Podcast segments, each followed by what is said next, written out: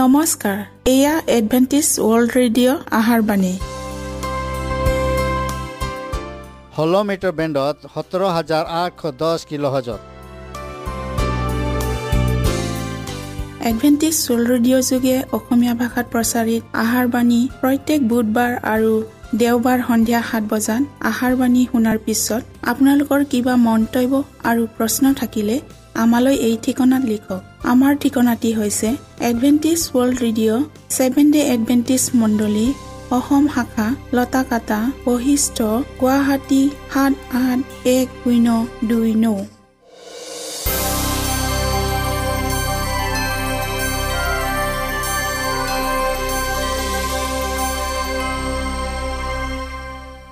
প্ৰিয় শ্ৰোতা বন্ধুসকল এতিয়া শুনো আহক এটি খ্ৰীষ্টীয় ধৰ্মীয় গীত।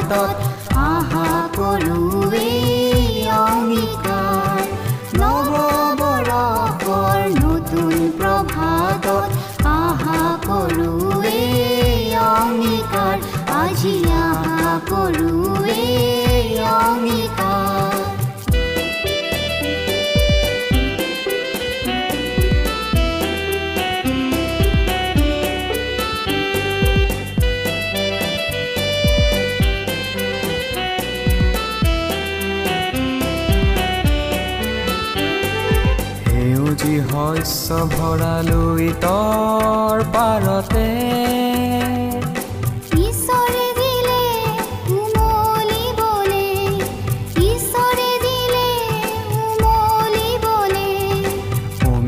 মাধুৰী সানি প্ৰেমৰ বাণীৰে।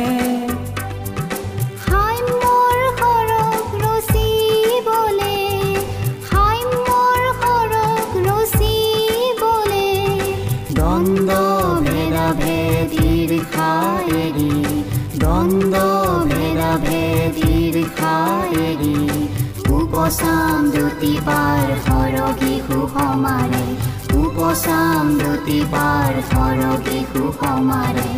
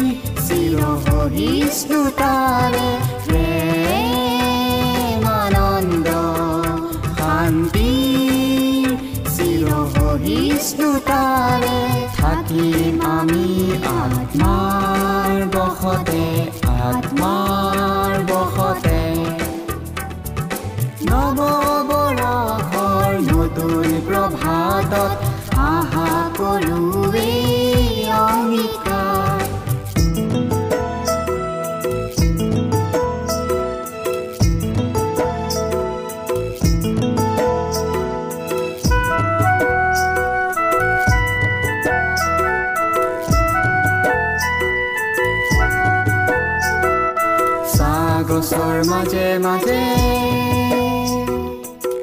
মাদুলৰ তালে তালে গছৰ মাজে মাজে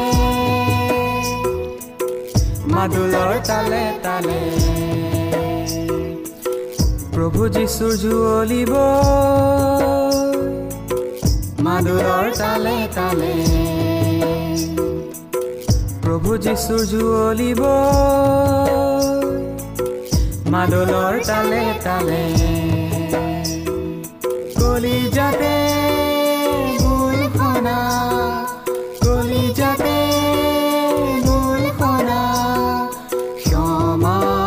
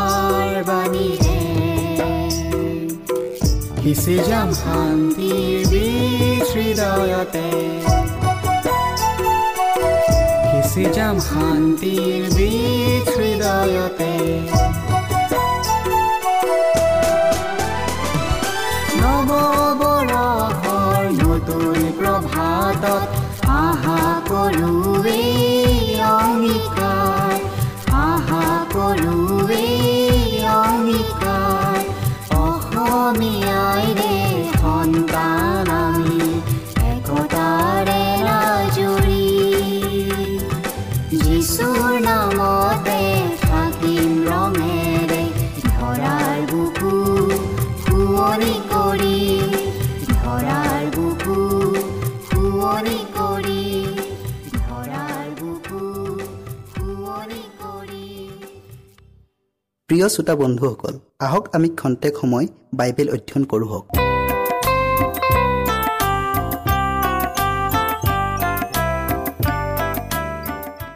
আজিৰ বিষয়টি হ'ল আৰ মেগেডনৰ যুদ্ধ।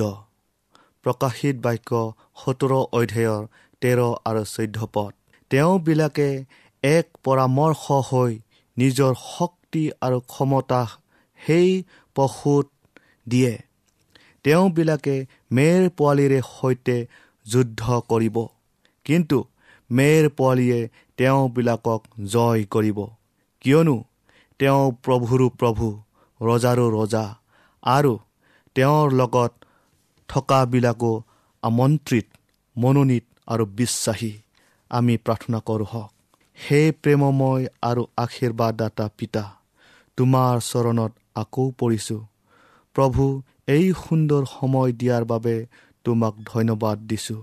প্ৰভু আমি আজি বিশেষ বিষয়ত অধ্যয়ন কৰিবলৈ আগবঢ়াইছোঁ।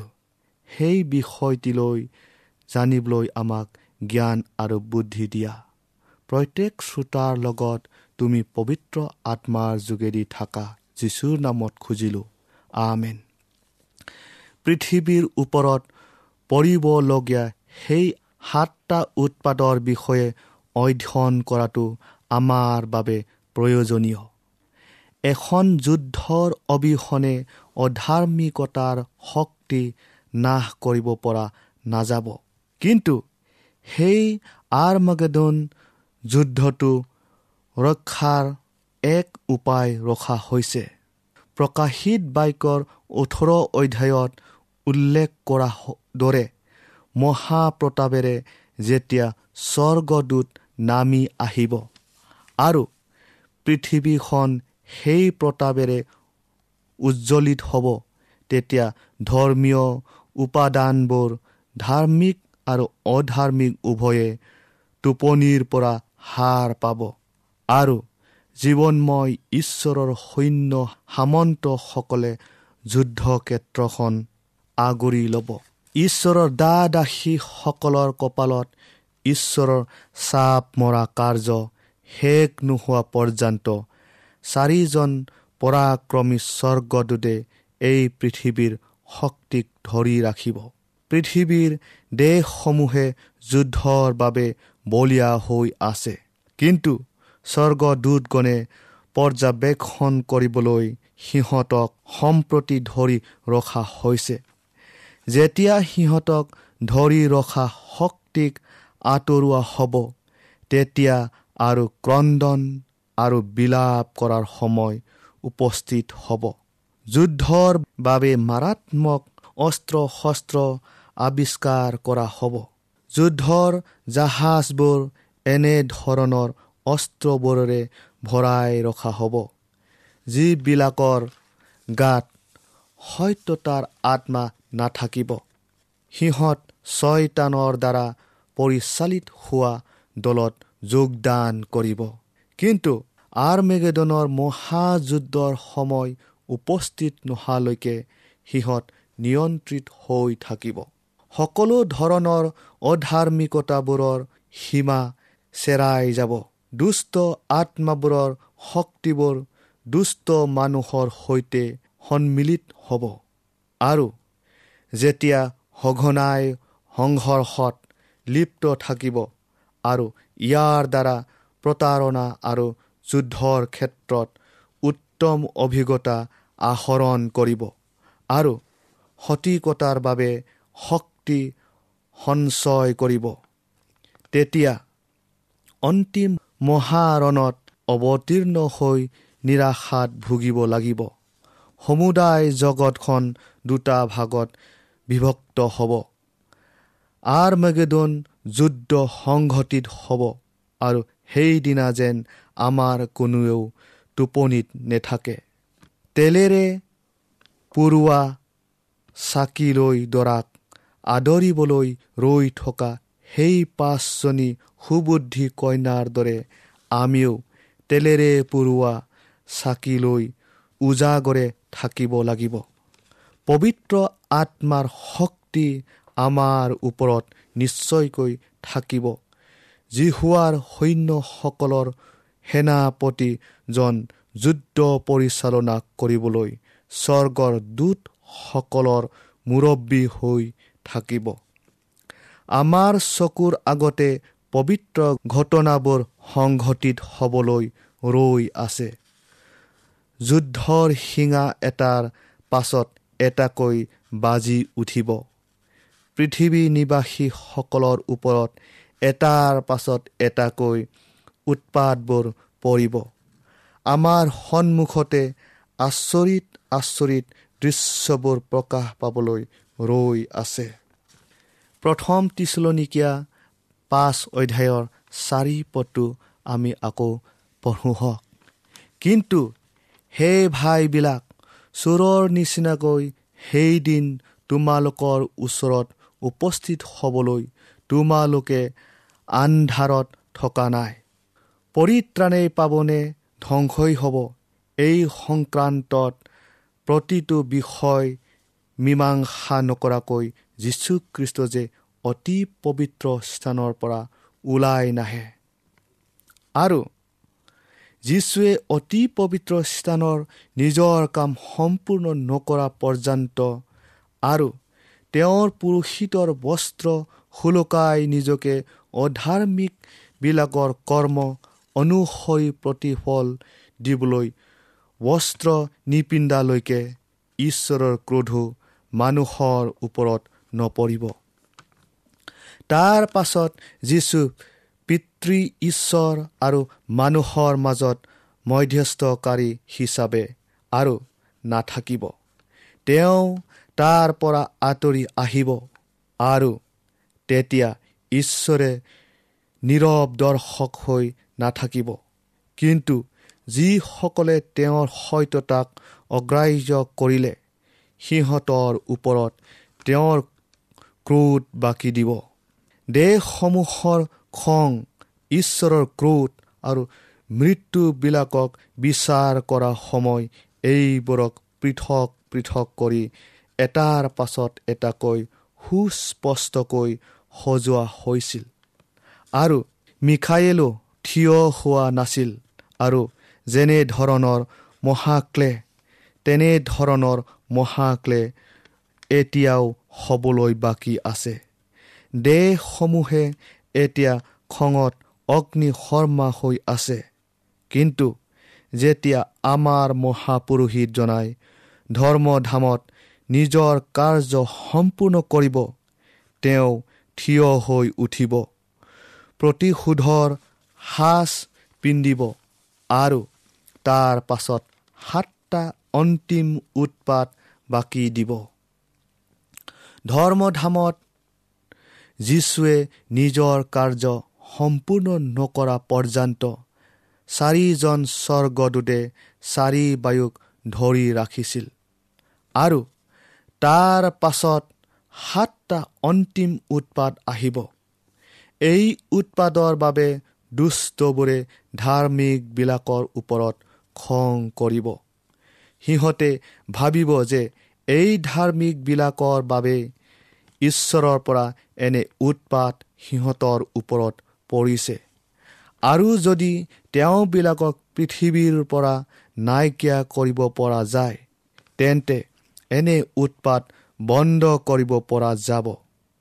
তেওঁবিলাকক বধ কৰিবলৈ এটা অধ্যাদেশ জাৰি কৰা হ'ব যাৰ বাবে তেওঁবিলাকে ইয়াৰ পৰা উদ্ধাৰ পাবলৈ দিনে ৰাতিয়ে কান্দিবলগীয়া হ'ব। এয়া জাকবৰ সেই ক্লেশৰ নিচিনা হ'ব। তেতিয়া ধাৰ্মিকসকলে অসহনীয় দুখ আৰু বিলাপেৰে কান্দিব আৰু ঈশ্বৰৰ মাতেৰে তেওঁবিলাকক উদ্ধাৰ কৰা হ'ব। নিজৰ ক্ৰুচীয় মৃত্যুৰ আগতে ত্ৰাণকৰ্তাজনাই নিজৰ শিষ্যসকলক ব্যাখ্যা কৰি কৈছিল যে তেওঁক ক্ৰুচ দি হত্যা কৰা হ'ব আৰু কবৰৰ পৰা তেওঁ পুনৰুত্থিত হ'ব। কিন্তু শিষ্যসকলে ৰোমিঅ শাসনৰ বন্ধনৰ পৰা সাময়িক উদ্ধাৰ পোৱাৰ বাবেহে আশা পালি আছিল আৰু যিজনৰ ওপৰত তেওঁবিলাকৰ সকলো আশা আকাংক্ষা কেন্দ্ৰীভূত হৈ আছে যে সেইজনৰ ঘৃণনীয় মৃত্যুৰ কথাক সিহঁতে সপোনতে ভাবিব নোৱাৰে।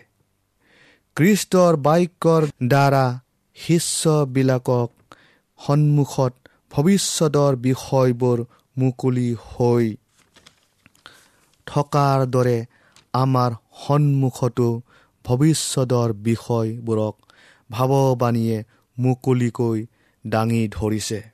অনুগ্ৰহৰ অন্ত পৰা সময়ৰ লগত জড়িত থকা ঘটনাবোৰ আৰু সেই মহাক্লেশৰ সময়ৰ বাবে নিজকে সাজু কৰাৰ কাৰ্যৰ বিষয়ে অতি স্পষ্টকৈ উপস্থাপন কৰা হৈছে। কিন্তু এইবোৰ বিষয়ৰ বিষয়ে যেন কোনো কালেও প্ৰকাশ কৰা হোৱা নাই তেনে অৰ্থত বহুতো লোকে এই সত্যতাবোৰৰ বিষয়ে এতিয়াও একো বুজা নাই।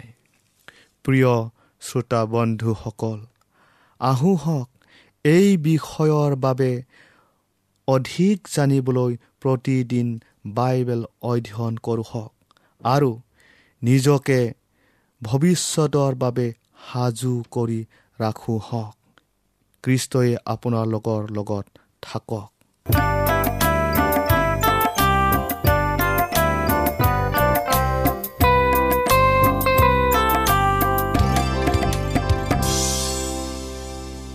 ইমানপৰে আমি বাইবেল অধ্যয়ন কৰিলোঁ। এতিয়া আকৌ শুনো আহক এটি খ্ৰীষ্টীয় ধৰ্মীয় গীত।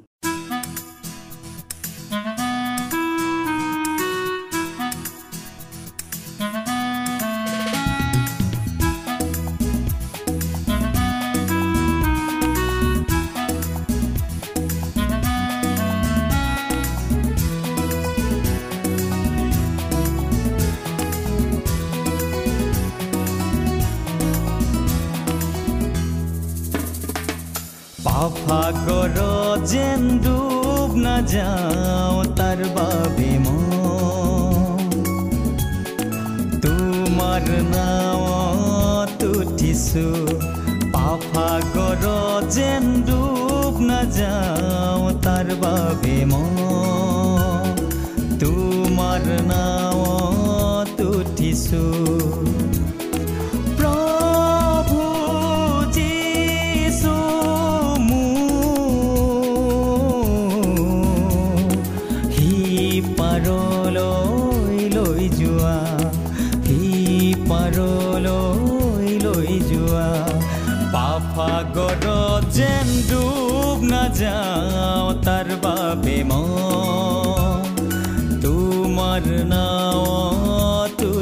উঠিছো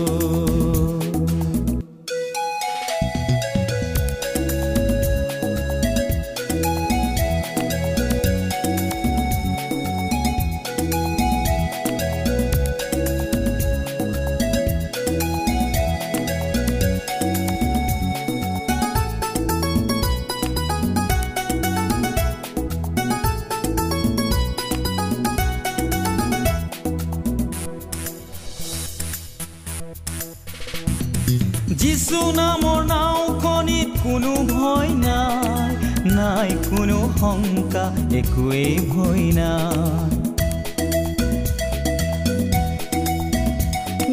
যিচু নামৰ নাওখনিত কোনো ভয় নাই নাই চৈতানৰ চলনা ভয় নাই। প্ৰবল ধুমুহাৰো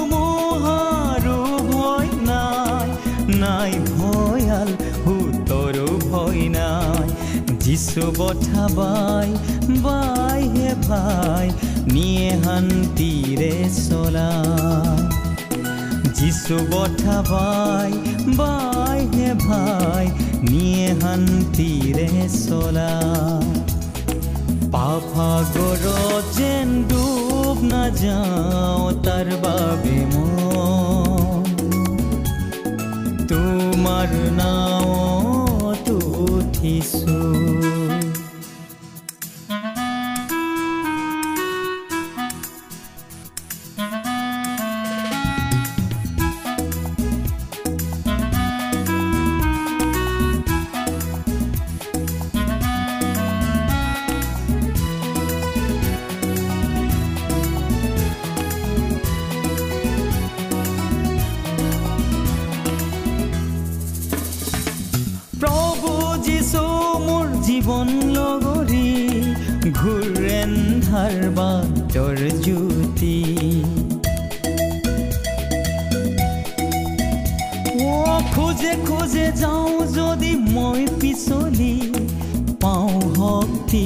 আৰু সুমতি যিচুৰ বিনে নাই আন উপায় নাই নাপাওঁ কতো সহায়। যিচুৱে চলাই মোক সদায় শান্তিৰ বাট দেখুৱা যিচুৱে চলাই মোক সদায় শান্তিৰ বাট দেখুৱা পাফাগৰত যেন ডুব নাযাওঁ তাৰ বাবে মই তোমাৰ নাৱত উঠিছোঁ পাফাগৰত যেন ডুব নাযাওঁ তাৰ বাবে মই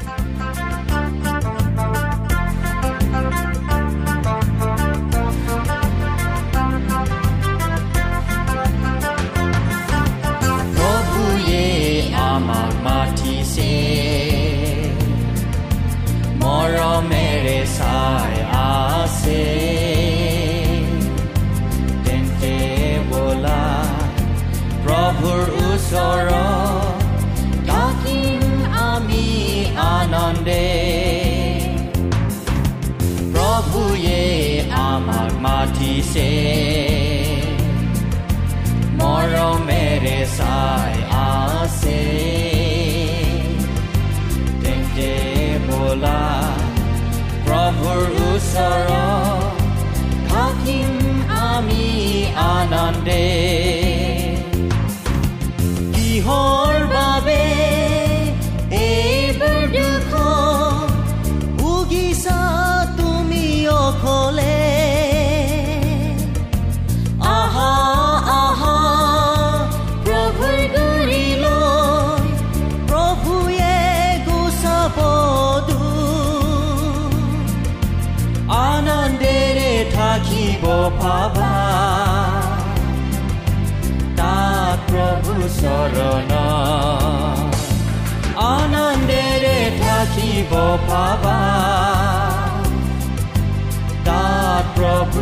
চৰণ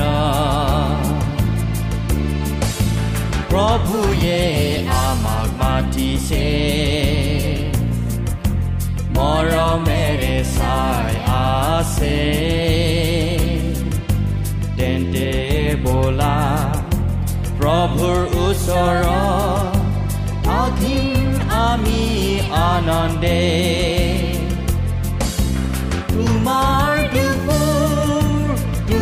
যাতনা এৰি দিয়া প্ৰভুৰ হাত। মিছাতে তুমি এইবোৰ ভুগিছা পাপই সমুদ্ৰৰ মাজত। প্ৰভুয়ে তোমাক বচাব।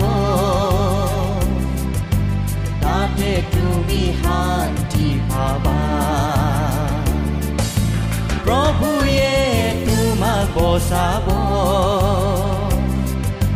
তাতে তুমি শান্তি পাবা প্ৰভুয়ে আমাক মাতিছে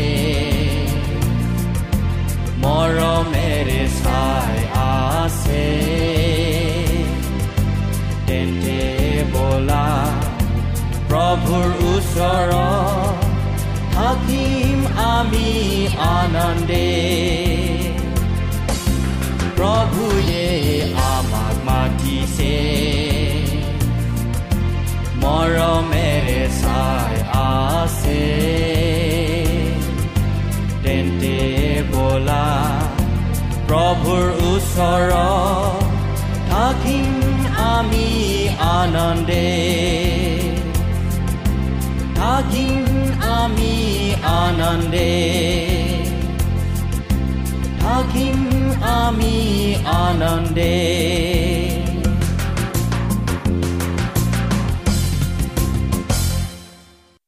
মনত ৰাখিব আমাৰ ঠিকনাটি পুনৰ কৈ দিছোঁ। Adventist world radio' Assam region of seven day Adventist voice of hope Latakata Basistha Guwahati seven eight one zero' two nine প্ৰিয় শ্ৰোতা বন্ধুসকল এডভেণ্টিজ ৱৰ্ল্ড ৰেডিঅ' যোগে আহাৰবাণী প্ৰচাৰত আপোনালোকক পুনৰ লগ পোৱাৰ আহাৰে আজিলৈ সামৰিলোঁ। ধন্যবাদ।